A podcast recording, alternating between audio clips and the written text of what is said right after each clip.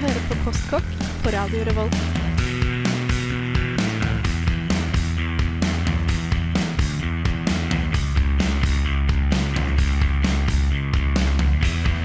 Mm, postkokk.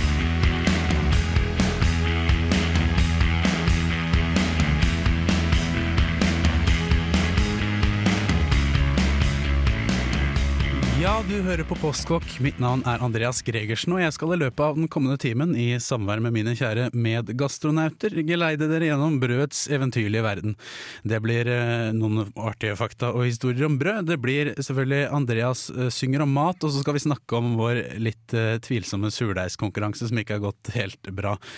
Um, ja, det er det vi skal snakke om i dag. Um, vi tenker vi spiller musikk. Dette her er uh, Lass med Every Girl. I'll have a hamburger, for which I will gladly pay you Tuesday. Og den hamburgeren har selvfølgelig et brød rundt seg, eh, for det er det vi snakker om i dag her i Postkokk på Radio Revolt. Eh, Med meg så har jeg blant annet eh, Bendik. Hei, hei. Hei, hva har du spist siden sist? Uh, siden sist så har jeg spist uh, nachos, pizza, spagetti med eh, tomatsaus og ja, det er ikke noe jeg har lyst til å dra fram som noe særlig spesielt. Helt s- veldig vanlig mat. Jeg leste jo i avisa at alle de rettene du ramset opp nå, er de mest populære rettene å spise i Norge om dagen. Det tviler jeg ikke på. Han som jeg sa spiste det, også Har ikke de vært risgrøt. populære ganske lenge? Jo, det tror jeg. Trendy er du. Ja, men men han, som- han som skøyt inn her, han heter Mikkel. Hva har du spist siden sist? Nå har jo ikke jeg vært her på en måned, da, men uh, jeg uh, har spist veldig mye, da. På. Ja, jeg har funnet ut jeg er blitt en matelitist, for at når jeg har begynt å bytte ut alt kjøttet jeg spiser med fisk i stedet, Begynt å bli? blitt mer. Ja. Kanskje jeg er blitt den jeg alltid har vært. Eh, Det jeg har gjort, er at jeg rett og slett har kjøpt sånne enorme fiskekaker på butikken. Uh, varmet dem opp i panne. Og så har jeg lagd tzatziki og lagd en chilisaus til, og så har jeg spist fiskeburgere. Mm. Fiskeburgere er godt. Mm. Ja. Uh, Astrid, uh, hva har du spist siden sist? Jo, jeg, jeg tenkte gjennom eh, mye rart her nå. Jeg spiste en kyllingsalat på fredag, og så spist, prøvde jeg å lage pasta carbonara her om dagen. Men det jeg vil ta frem og fortelle og meddele, er at vi lagde lammekjøttboller her om dagen. Jeg husker ikke helt hvilken dag. Men vi tok og blanda masse digg krydder og hvitløk og løk og, um, og litt mel og melk i en bolle, og så blandet dette sammen med masse lammekjøtt. Deig. Og så stekte vi det i panna og kokte en tomatsaus ved siden av. eh, og hadde en salat ved siden av dette igjen, da. Og ris. Og det var helt sykt godt. Ja, Det, det hørtes godt ut. Ja, Det er litt sånn greske kjøttboller. Kan, jeg- kan jeg spørre om en ting? Altså, du sa du prøvde å lage pasta carbonara. Gikk det ikke helt bra, eller hva skjedde? Ei, nei, du vet når du ser på en oppskrift, og så ser du ingredienslista og tenker «Ah, er det det jeg skal ha oppi, og så driter du i forholdene. Da, Ja. og du aldri har lagd det før. Da, da kan det bli litt interessant. Ja. Ja. Ja. Så det ble litt for mye saus i forhold til pasta.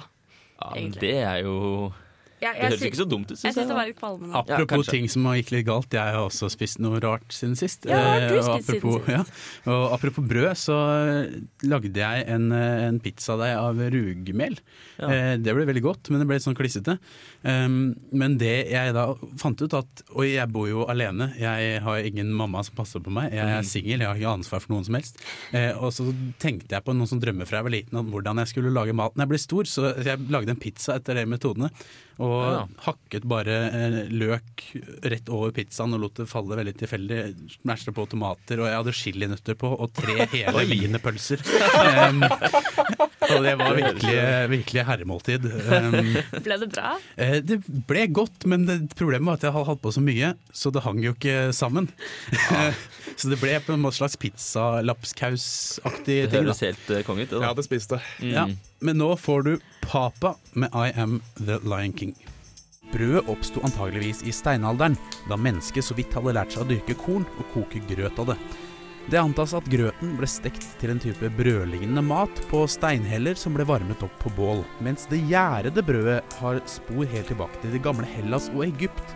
Det er faktisk funnet brødrester i krypter og fangehull i gamle egyptiske pyramider, som kanskje også gir egypterne æren for å ha startet tradisjonen med vann og brød i fangehullene.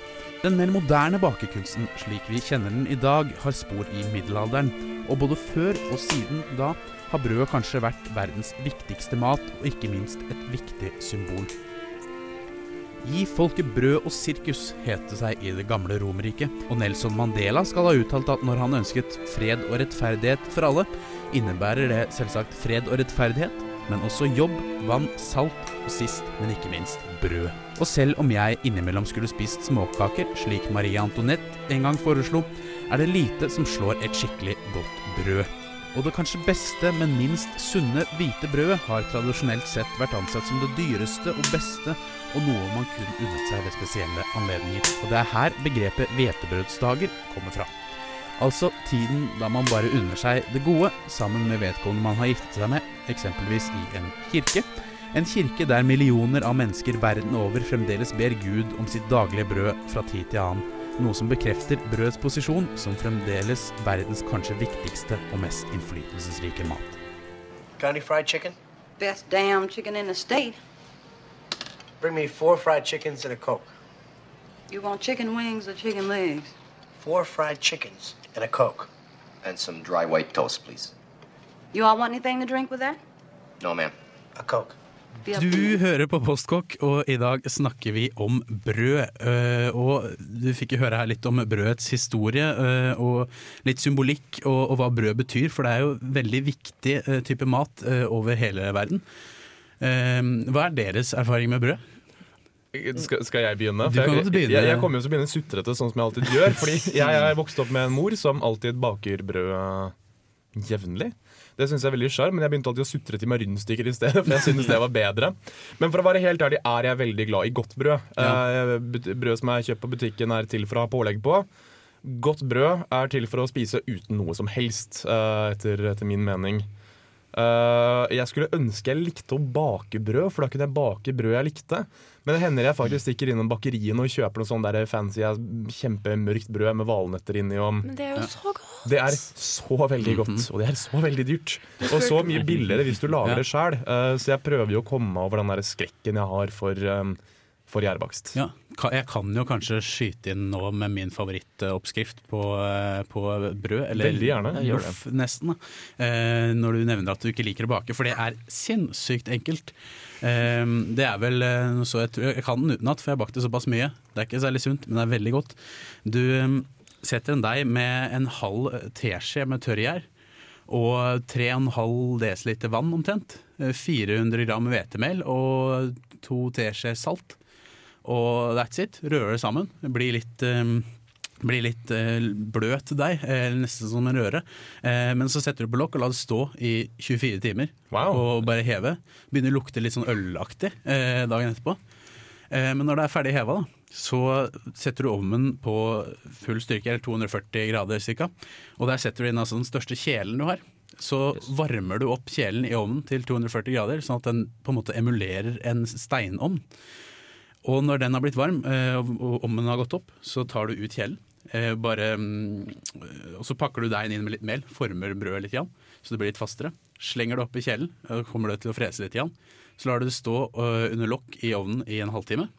Og etter en halvtime fjerner du lokket, lar det stå i et kvarter, og får en fin skorpe. Og mm, da du tar det ut, da, så har du altså en sånn steinovnsbakt loff som du egentlig ikke har gjort annet enn å vente på å få. Og det er sinnssykt billig og sinnssykt digg. Prøv det. Det der er jo helt sprøtt. Det der kunne jeg tenkt meg å gjøre. Ja, Du bør absolutt gjøre det. Det Jeg tror absolutt jeg skal gjøre det. Ja. Jeg er veldig glad i å lage og sånn er jeg med gryteretter. Jeg er veldig glad i å lage ting som skal lages dagen før. Eller to dager i forveien, så stå, og så blir det bedre. Da føler jeg at jeg gjør noe viktig, uh, uten å egentlig gjøre noe i det hele tatt. Det er veldig, veldig effektivt. Mm. Eh, dere andre, hva er deres forhold til brød? Nei, eh, jeg har som Mikkel eh, vokst opp med en mor som eh, baker brød.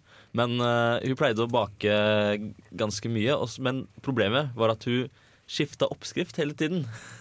Altså, eh, Hver gang hun fant et kjempegodt brød, da, uh, så blei vi veldig glad, og så sa vi ja, det kan du bake mer. Og sa ja, det skal jeg gjøre. Og så neste gang så var det noe helt nytt igjen. Som kanskje ikke var like godt, da. Men, men uh, hun er veldig flink til å bake brød, og det har jeg satt veldig stor pris på.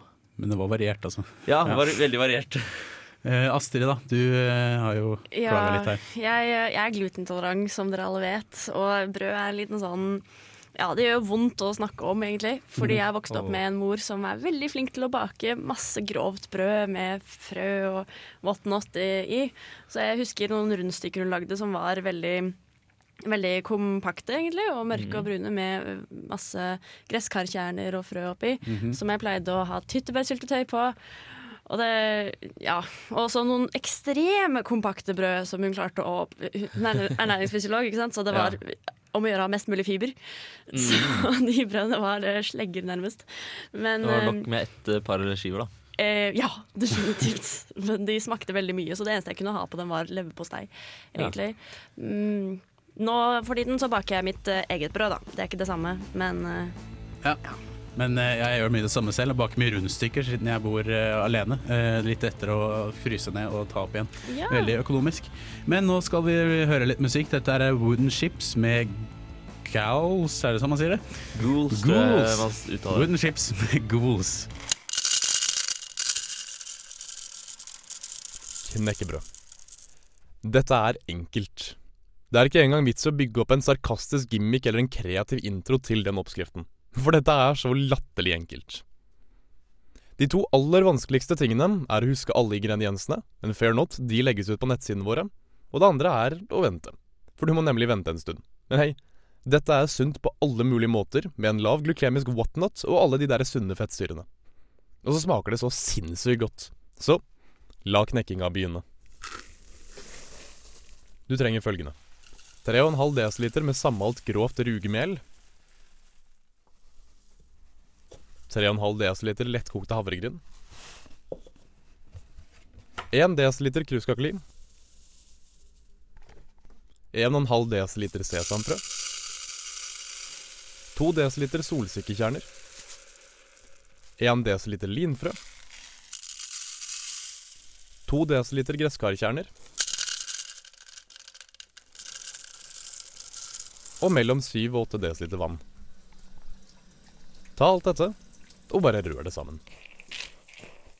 Dette holder til to eller tre stekebrett, så ta en porsjon av denne deigen, hiv den utover et stekebrett med litt bakpapir under, og smør det utover. Du lurer kanskje på hvor tynt dette skal være, og det gjorde jeg også. Da jeg spurte, fikk jeg dette svaret. Tynt. Hiv dem så inn i ovnen i ca. ti minutter, for så å ta dem ut og kjøre et pizzahjul over dem for å dele dem ordentlig opp. Du kan så hive dem inn i ovnen igjen. Vi skal nå over til den siste kjedelige ventinga. Dette skal stå i ca. en time, men det kommer veldig an på ovnen din og tykkelsen på knekkebrødene, så sjekk derfor innimellom. De er ferdige når de er blitt ordentlig tørre, og de kan ennå være bitte lite grann myke, men det er viktig at du tar dem ut før de begynner å bli brune. Så etter å ha ventet en times tid kan du ta dem ut, løsne dem fra papiret og legge dem på en rist. La dem tørke litt, for så å kjøle seg ned. Er de fortsatt myke, kan du hive dem inn i ovnen bitte lite grann til. De er ferdige når de høres slik ut. Og så smaker det så jævlig digg.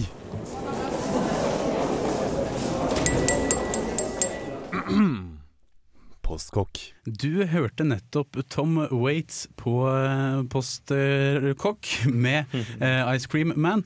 Um, I dag snakker vi om brød, og, og før vi hørte Tom Waits, så hørte vi jo et innslag som eh, Mikkel hadde laget, om eh, knekkebrød. Den beste typen brød, for det skal ikke heve. Nei. Det er bare å smekke det sammen. Nå, ja. Og det er veldig lett å lage glutenfritt også. Ja. Uh, du sier bare å smekke sammen, og det er helt riktig. Problemet med knekkebrød er at det tar så jævlig lang tid å steke. Så da jeg lagde knekkebrødet ukentlig, og jeg lagde knekkebrød ukentlig, og derfor lagde jeg store mengder, så satte jeg av en hel dag til å bare sitte og steke knekkebrød. Og det var veldig fint. Jeg tok meg fri en dag. Satt og spilte TV-spill og drakk kaffe og spilte gitar og hørte på musikk og For det, leste det, en bok. noe, og... det er ikke noe du må passe på underveis. Det er ingenting du må passe bare på. bør være hjemme og Du skal jo Ja. ikke gå fra kan Nei, selvfølgelig skal man ikke det. Da kan man sikkert stå, sitte og lese pensum mens man eh, steker Det, det hendte Sånn, at jeg gjorde det, men ikke bare for å få inn litt uh, noe nyttig, da. Ja, hvis, ma hvis, mamma, hvis mamma hører på, selvfølgelig leste jeg masse pensum Ja. mens Ja, det ja, Det stekte ja. Det er nyttig å lage knekkebrød. Eller er for dere andre så vet dere at eh, en episode av et eller annet tar jo tre kvarter disse dager. Eh, forskjellen, ja, på, minutter. forskjellen på de Så knekkebrødene da kan du se tre episoder av en du vil. mm, Forskjellen på disse knekkebrødene her og vanlig brød er jo selvfølgelig at brød inneholder masse luft og er derfor mykere. Eh, og det er veldig fascinerende at spiser du tre knekkebrød sånn som disse her, du blir så mett. Ja, Det, du blir det. Det, det er så rart at du blir mett av liksom tre sånne liksom flatbanka brødskiver. Og ikke minst så er det veldig bra for tennene med den tyggemotstanden hvis man spiser ofte. Jeg vet det, Knekkebrød stammer fra Sverige. Og uh, apropos Sverige, så hørte jeg et intervju med Astrid Lindgren en gang.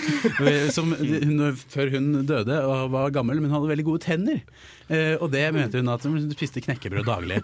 Uh, så da vet vi det. Er det ikke det de sier i den barnesangen også? At man, hvis man spiser knekkebrød og gulrøtter, så får man like fine tenner som en krokodille. Det Ja. gjør man, det er helt riktig. Mm. Det jeg uh, har hørt er at uh, når du er barn og spiser knekkebrød og harde ting generelt, så stimulerer det vekst av kjeven. Så hvis du spiser harde ting når du er barn og tygger hardt, så slipper du å bruke regulering. Ja. Og for en enorm sånn der sexy eh, mannekjeve også. Så, Square jaw. Så ikke gi døtrene dine knekkebrød, altså. men sønnene kan få masse knekkebrød. Det kommer til å bli babymagnetter av dem. Vi skulle jo snakke om brød. Var det sånn? Ja. Eh, jeg har også lyst til å nevne Det finnes jo andre typer brød også. Uh, for en stund tilbake så lagde jeg pitabrød. Ja, det nevnte Og det er jo også et brød, uh, selv om det er flatt. Ja. Det er også veldig lett å lage, og, og. Det kan jeg anbefale alle. Ja, hva, hva er det, det som skiller seg fra, altså fra vanlig brød? Eh, Nei, altså- Hvordan gjør det? Eh, det, du, du, du, du ruller de helt flate, og så steker du de eh, på veldig høy varme nederst i ovnen. Og da skal de blåse seg opp, så de blir hule inni. Ja, ja. Mm. Så De er liksom flate og runde, og så er de hule inni, da. Interessant, for jeg har faktisk også Jeg kom på at jeg har bakt et brød til. Jaha. I løpet av den perioden hvor jeg har vært borte fra Postkokk. Og det er et uh, nanbrød. Det har jeg lagd før. Da har jeg stekt i ovn. Ja, Det er vel litt samme Ja. konseptet, tror jeg. Ja, uh, disse Nambrød er jo lagd med gjær men de også, og hvitt mel, men de er lagd med yoghurt også. Mm. Så du får sånne veldig saftige, myke, fine, hvite brød. Uh, hvis det er lov å si. Og de, jeg har vanligvis stekt dem i ovn uh, i kanskje tre minutter på hver side, uh, kanskje til og med to. På øverste rille på grill på full Mm. varme i ovnen, eh, for at nanbrød trenger enorme mengder varme. Men her om dagen så prøvde jeg å lage dem i stekepanne. Jaha. Og jeg hadde ikke en kjevle, så jeg brukte en ølflaske. eh, og den var tom. Men det funker kjempefint. Det gjør det var det. det jeg også gjorde. jeg måtte til og med drikke- Jeg måtte jo til og med drikke opp ølen først, enda bedre. Mm. Eh, og kjevlet dem kjempeflate og stekte dem i, eh, i panne. Mhm. Som også ble utrolig godt. Da blir de litt sprøere og fikk jeg vet ikke, den smaken som ting får når de er stekt i panne. Ja, Det var veldig godt. eh, men det ble gode nanbrød? Det ble definitivt jeg gode nanbrød. er veldig fan av nanbrød, men kjøper bare sånne ferdigproduserte, så det må jeg bare prøve. Ja, Mm. Og apropos eh, steking i panne, jeg har også prøvd noe Det er jo et bakverk, på en måte, eh, men brød er det vel ikke. Eh, jeg prøvde å lage hjemmelagde lomper her om dagen. ja. I eh, teflonpanne. Av og det potet, eller? funker helt fint. Potet og hvetemel. Ja. Og salt. Enkelt og greit. Det er så Bare godt, det. koke potetene og moser dem, og så bruker du veldig mye mel. Og når du ruller det ut, så er det viktig å ha masse mel rundt lompene, som du heller børster etterpå. Okay. Um, og det blir veldig billig, godt, fantastisk. Du slipper alle E-stoffene og alt det som er. Mm. Jeg tror det er mye bedre enn eh, butikk. eh, Smaker Ja, mye bedre. definitivt. Min kjære mor pleide jo å lage lomper til lillesøsteren min og meg. Og jeg nevnte jo det at godt brød spiser du uten pålegg. Mhm. Gode lomper også spiser du uten noe som helst. Mhm. Du bare spiser lomper. Uh, fordi den typen lomper som stekes i, altså som du lager selv, er ikke like bitre som, uh, som de du kjøper i butikk. Fordi du kjøper i butikk er jo ganske bitre. Ja, Smaker Ja. Mm. du kan, jo, du kan jo eksperimentere litt, selvfølgelig, når du lager, eh, lager hjemmelagde lomper. Mm. Eh, Apropos godt brød, så vil jeg bare slå et slag for foccaccia. Ja. Med, med oliven og havsalt på. og- Er det mulig å gjøre det glutenfritt? Mm, det vet jeg ikke. Nei. Jeg tror ikke det. Ja, jeg har, Eh, Det da. Men før jeg stoppet å spise gluten, så hendte det at jeg gikk og kjøpte en hel foccaccia på Ultra og så Ja. en liten sånn fancy ost. Så bare satte jeg meg i parken og spiste det. Mm. Ja, for jeg, jeg har begynt å Good lage en, eh, en eh, litt foccaccia-aktig pizzabunn. eh, hvor jeg, jeg vet ikke om jeg nevnte det her før, men eh, det er jo det at jeg pleier også å lage eh, pizzadeigen og putte den i en pose med olivenolje, sånn at hele deigen blir dekket i olje. Så trykker jeg den bare ut med fingrene. Veldig enkelt, lite sølt. Og, eh, og steker den omkranset av olje. Da får den litt den foccaccia-konsistensen. eh, og det er bare å hive på pizzafyll. Altså Avslutningsvis, den første postkokksendingen vi hadde, så hadde Erik lagd foccaccia tatt med. Var det første? det var, og, Er det den- så lenge siden? Ja, det er så lenge siden. Så hadde Erik lagd foccaccia. Eh, det var noe av det bedre jeg hadde smakt noensinne. I tillegg til at han nesten hadde skapt oljebrann i komfyren sin da han lagde den. Og jeg, jeg merket liksom at uh, Postkokk kunne bli et, det kunne bli et fint program å, å lage. Ja, men, men nå skal vi høre litt musikk. Dette er Ockerville River med On a Balcony. For nyheter, inspirasjon og matrelaterte oppdateringer, følg oss gjerne på Facebook. Søk etter Postkokk i ett ord med én Å og dobbel K. Om du har spørsmål, utfordringer, forslag eller lignende, send en e-post til mat at radiorevolt.no. Hei, det er Hanne. Og Kjetil. Fra Dråpe, og du hører på Postkak. Det gjør du, og i dag snakker vi om brød. Eh, men vi har jo en eh, glutenintolerant eh, person eh, her med oss, Astrid. Ja. Du hadde lyst til å fortelle noe om akkurat det. Det har jeg fordi eh, det dere ikke tenker over, er at i brød så er gluten en sykt viktig ingrediens. Mhm. Det som lager nettverket og holder det sammen og gjør det seigt og, og mulig og liksom Gjør det digg, rett. Ja, gjør det at det holder sammen. Ja. Det er gluten. Gluten kommer jo av latinsk, altså ordet. Og glue er i samme ordstamme. Så det har med det å gjøre, da. Det limer brødet sammen. Ja. Så, så prøv å lage et brød uten limet som holder brød sammen. Det er kanskje derfor man kan lage, lage lim av eh, mel og vann òg? Ja, nettopp. Gluten, ja. Men ja. det, som, eh, det man gjør da, eh, prøver i hvert fall, det er å finne masse andre erstatninger for hvordan å lime brødet sammen. ja. Jeg eh, sverger til fiberhusk, en del i hvert fall. Fiberhusk er psylliumfrøskall, Jaha, som er ja. veldig vannbindende. Akkurat. Og hva er psylliumfrø? Det er bare det, det er psylliumfrø. Ja. Du, du får kjøpt det på sånne helsekostforretninger også. Ja. Mm. Eh, det binder vann noe helt ekstremt. Eh, og mm, det, det funker OK. Men du kan ikke få det seige, fine brødet med den fine skarpen. Hvis du prøver å få skorpe, så blir det bare sånn kjekssmuldrete, tørr greie. Og det er okay. veldig demotiverende. Mm. Men jeg har et brød som pleier å gå bra for seg, som jeg har lyst til å dele med dere. Det er 150 gram finmalt bokhvete, 80 gram bokhveteflak, 70 gram linfrø, 1 teskje natron, 2 teskjeer fiberhusk, en halv teskje salt og en teskje sukker. Dette blandes.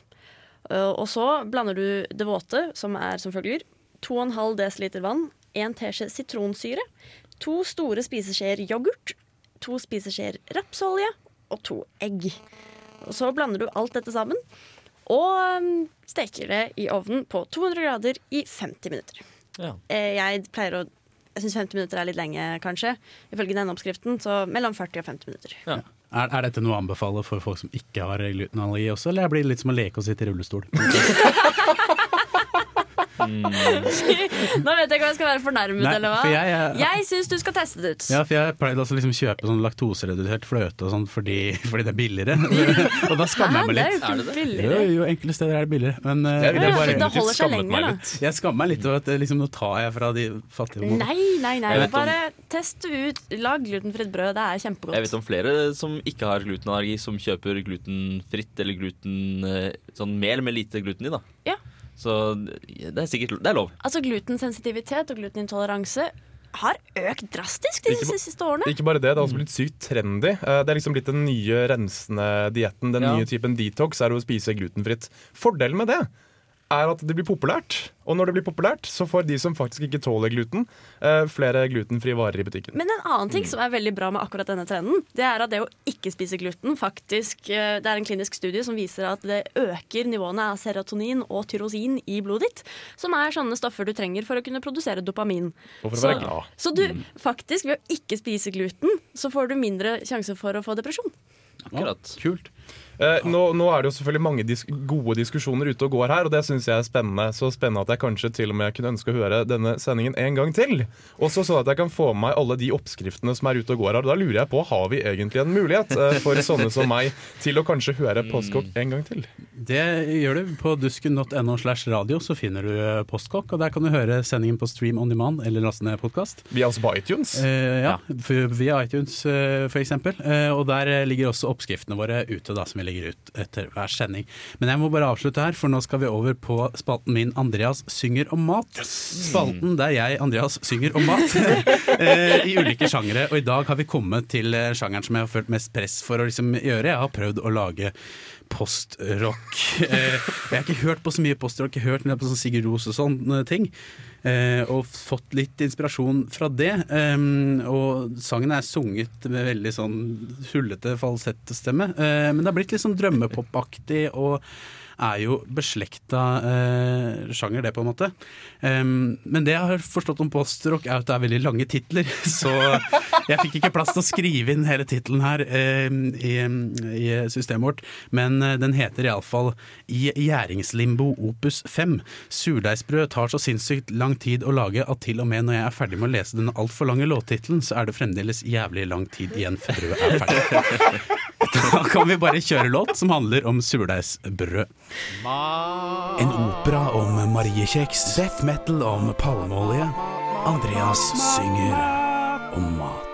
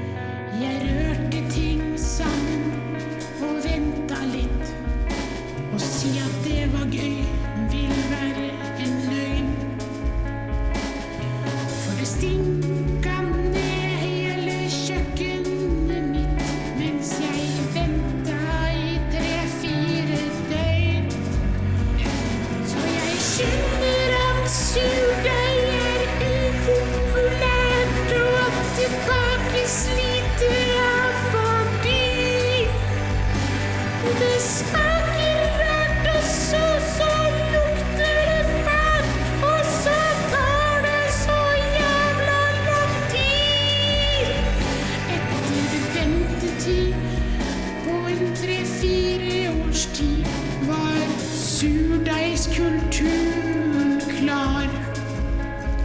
Så jeg startet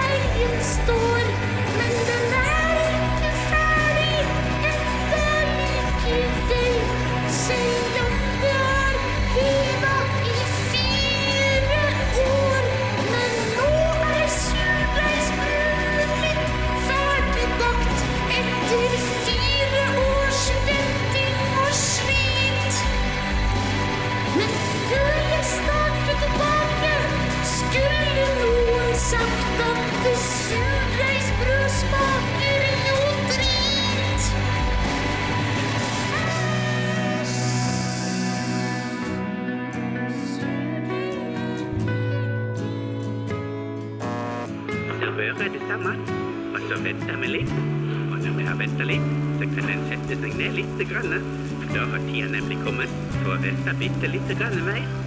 Fikk ei uke eller to. Jobb med deigen lenge. Gift deg på unger og stasjonsvogn. Mat surdeigen litt mer. På hytte, på golden retriever. Mat surdeigen enda mer. Skaff deg et sidesprang for kona di. Mat surdeigen. Skill deg og vent enda et par år. Kanskje, om du er riktig heldig, rekker du kanskje å få servert surdeigsbrødet ditt i helt egen begravelse. Ja, det var sangen min om eh, surdeig, med en altfor lang tittel som jeg ikke orker å si igjen. Um, hvis du hører på podkasten, så kan du jo spole tilbake for å finne ut hva den egentlig het. Uh, for vi skulle jo egentlig ha en slags sånn surdeigskonkurranse vi i dagens sending. Vi har jo hatt surdeigskonkurranser før. Uh, Da vant jeg, men i den konkurransen var det strengt tatt egentlig ikke noen som vant. Det var bare noen som tapte mindre. Ditt var helt OK. Ja, det er det. Det var helt OK. Og det var kun helt OK ti minutter etter at det var laga. Ikke etterpå, da var det uspiselig. Nei, for jeg, det var eh, inspirasjonen til denne låta her, egentlig. Den, eh, mitt forsøk på å lage surdeig. For jeg satt i en surdeigskultur og, Og eh, begynte å bake et brød i går, men det må jo stå og heve veldig lenge, så det står og hever kanskje litt i lengste laget akkurat nå. Men jeg får prøve å bake det når jeg kommer hjem. Ja. Eh, for det tar veldig lang tid å, å lage surdeigsbrød. Men blir det godt? Jeg har ikke smakt det før. Jeg, jeg hørte bare at Erik sa at det smakte drit, så da tok den sangen også. Men Altså, jeg har aldri smakt et uh, hjemmelaga surbrød som smaker godt. Det er fordi jeg har bare smakt eh, de surbrøda som vi lagde til den sendinga. Ja. Eh, Men jeg har smakt kjøpesurbrød. Og det er faktisk eh, ganske godt, syns jeg, da. Mm, altså det, det, det smaker litt syrlig, iallfall etter min erfaring. Mm. Eh, de vi lagde, var jo ikke gode. Det var jo ikke det. Eh, og det vi da fant ut, for vi brukte jo samme oppskriften sist, uh, Jamie Olivers uh, surdeigsbrød, uh, og denne gangen så var jo planen litt at vi skulle finne hver vår oppskrift. Ja. Og mitt spørsmål er, var det lurt? Jeg, eh, jeg satt faktisk to surdeiger. Én som jeg glemte ute en natt. Så. Fordi den skulle stå litt ute for å jeg vet ikke, plukke opp ba Ja, den bakterier. skal, og den sånn. skal plukke opp natt, altså jern i lufta. Glemte jeg hele dritten, og så bare dagen etter Å, faen, jeg skulle jo ha surdeig. Så jeg, så det, den sto en, eh, en nesten en uke, eh, og så kasta jeg den. Og så lagde jeg en eh, på fredag som liksom skulle være en hurtigsurdeig, som skulle bare ta tolv timer. Og da hadde jeg eh, mel, eh, vann og kefir, faktisk. Ja. Eh, og den tror jeg ikke fikk stå helt lenge nok. Jeg tror den måtte stå litt mer enn det som sto i oppskriften. Eh, men den kunne blitt bra hvis jeg bare hadde latt eh, brødet heve. Noe jeg ikke hadde tid til. Nei, eh, det hadde vel ikke jeg heller. Men eh, surdeigskulturen min begynte iallfall å lukte ganske bra. Men Mm. ja, derfor ble det ikke noe surdeigskonkurranse i dag. Nei. Eh, fikk dere forklaringen på det. Men nå skal vi høre litt musikk igjen. Dette her er Violent Femmes med Add It Up. Hei, vi er Youth Pictures of Florence Henderson, og du hører på Postkokk. Programmet for deg som ikke har noe annet å finne på. Ja, du hører på Postkokk, og før det hørte du Violent Femmes med Add It Up fra kanskje en av mine favorittdebutplater. Den skiva er så bra! Eh, Ja, den er fantastisk. Men vi snakker eh, om eh, brød i dag, og snakka litt om surdeig før den låta her. og denne konkurransen vi hadde gående. Har vi noe mer å tilføye der? Jeg har, jeg har litt å tilføye, for at jeg ble ganske redd. Fordi eh, jeg fant en surdeigsoppskrift fra Opplysningskontoret for brød og korn. De bør jo kunne brødet sitt. Eh, og det viste seg at den, de var veldig redde for at jeg skulle la surdeigen min være i, i kontakt med luft, i motsetning til alle andre oppskrifter jeg har sett. Det jeg reagerte på her Jeg fikk en kjempebra surdeigskultur for øvrig. Og det bobla og var slimete og vokste til tredobbel størrelse osv. Eh, problemet var at det skjedde jo ikke med brøddeigen min, så den står fortsatt og hever. Jeg er spent på hvordan den ser ut. Hevet, hevet den noe i det hele tatt? Eh, Før du dro? Nei. Nei. Men det, Eh, det jeg reagerte aller mest på, er at uh, jeg skulle sette en surdeig med en halv liter vann og 500 gram mel. Og dagen etter skulle jeg kaste mesteparten. ja. Beholde litt av, av deigkulturen. En halv liter vann og en halv liter mel, og til sammen så har jeg kastet bort nesten to kilo med mel. Men skulle du kaste nesten alt? Nesten alt. Tror Beholde jeg 100 og 150 gram, og det fungerte. ja. Men jeg hater å kaste mat. Det er det verste jeg veit. Men jeg tror ikke det er nødvendig å lage så mye på en gang. Nei, det var det de ville at jeg skulle, da. Ja. Eh, Men det verste jeg veit, er å kaste mat. Jeg synes det er ufint av eh, Opplysningskontoret å oppfordre folk til å kaste brukbare råvarer. Ja, det er kjipt. Men jeg fikk til gjennom en fin surdeigskultur. Jeg bare, igjen, jeg setter ikke pris på å sløse med mat. Men kasta du det faktisk? Jeg kasta det faktisk. Uh, et spørsmål. Deres surdeigskultur, skilte den seg uh, en del? Eller var det bare min som gjorde det? Litt. Min skilte seg litt. Ja, fordi min fikk liksom et sånn, nesten et lag med vann på toppen. Mm. Uh, I hvert fall Det var verst på den som jeg glemte ute. Jeg vet ikke om det var meninga, eller om det, det var et eller annet feil der. Eh, ja. Og nå hører vi eh, knastene på laptopene som eh, tikker i bakgrunnen. Unnskyld. Ja. Men uh, apropos at å kaste mat og kaste brød spesielt, jeg er blitt veldig tilhenger av å ta vare og utnytte hele brødet. Uh, Jeg skjærer det opp og lager krutonger når det tørker ut. Det kan brukes til så mangt. Det er uh, Det hender jeg stjeler skalkene som ligger igjen i brødkuttmaskinene på butikken. ja. Det var smart. Noen ganger gjør jeg det, hvis det er mye som ligger der. Ja. Eh, Det glutenfrie brødet i butikken er veldig tørt og ekkelt, men det funker veldig bra til å lage arme ridder av. Ja, ja. Så det er også en ting man kan Det gjøre kan med tørt, tørt gammelt brød. eh, brød. For ikke å snakke snakke om grillgjermel, grilljermel, som vi snakka om i en sending ja. her eh, om dagen, som er veldig fint å beefe opp hamburgere med, f.eks. Ja. Videre. Det pleier jeg også å bruke gammelt brød til, så ikke hiv brød. Um, Man kan også ha det i kjøttboller. Eller bare ha det i supper. Det kan spise tørt brød med suppe. ja, det er også godt. Eller putte det i maten til Astrid når hun er ufin. men ja, skal vi avslutte, kanskje? Dessverre, ja. Ja, Ja. vi må nesten gjøre det Ja. eh, for, eh, for i studio i dag så har vi vært Bendik Bomme. Mikkel Strømstad. Astrid Mogstad. og Andreas Gregersen. Og neste sending så er det Mikkel som er programleder, og hva det skal handle om da, det, det Får man vite etter hvert man hvis man vite. følger Ja, oss på Facebook. Ja, eh, så følg oss på Facebook, og følg med. Eh, avslutningsvis får du her Strand of Oaks med Satellite Moon. Boom! This is Jabba Man, bigging up all the gang them looking hot and ready and sexy. You're listening to Radio Revolt in Atran MCT. Yo, you know we're doing it. Lock it up. Boom!